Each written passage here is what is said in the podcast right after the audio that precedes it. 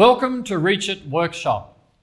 Why do we get spots after cleaning our windows when we use tap water or pure water, and how do we avoid it? Well, the answer to this is what we call TDS. If you already know about TDS, you'll undoubtedly appreciate this topic as a tool for training your new staff. TDS stands for Total Dissolved Solids. The solids are actually minerals in solution in the water that cannot evaporate when water beads evaporate. At the end of evaporation, we get a spot on the glass which is made up of these solids. The next word to focus on is dissolved. This means the minerals are in solution. Now, you can get a spot on glass that's made from dirt, however, that is not TDS because the dirt is actually in suspension. And the difference between solution and suspension is whether the solid falls out of the water. For example, let's take two beakers, of identical water. Into one beaker, we stir a teaspoon of salt, and the other beaker, we stir into a teaspoon of dirt. Let's do that now. Two beakers, the right ones, and I've got some salt, tip that in there. I've got some dirt, tip that in there. Stir the salt. And that will go into solution. We stir the dirt.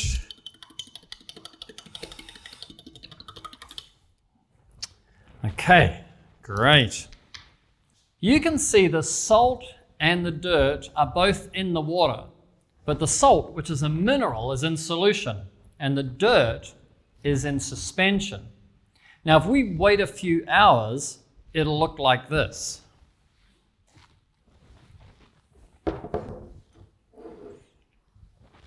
The beaker with the dirt has a layer of dirt in the bottom because the dirt has actually fallen out of its state of suspension. The beaker with the salt has nothing on the bottom because the salt is still in solution. Now, if we were to evaporate the water from both of these beakers, we're replicating the drying process, just like how a water bead dries on glass. The beaker with the dirt will have a layer of dry dirt on the bottom, which is like a brown spot on the glass. And the beaker with the salt will also have a layer on the bottom, but it'll be salt which is white and it looks like a white spot on the glass. Okay, now you have this understanding. Let's get a little bit technical and apply it to window cleaning. Salt is a mineral, it's called sodium chloride. The other minerals found in tap water are calcium carbonate and magnesium sulfate. These are the minerals that mostly show white spots when water beads dry, the same as when the salt dried in the beaker. White spots are more visible than brown spots. Most other minerals in tap water do not dry white, they dry like brown and black. No matter the mineral, when the water evaporates, they are solid, so they will leave spots. The difference is the whiter the spot, whether from minerals or dirt, the more visible it is.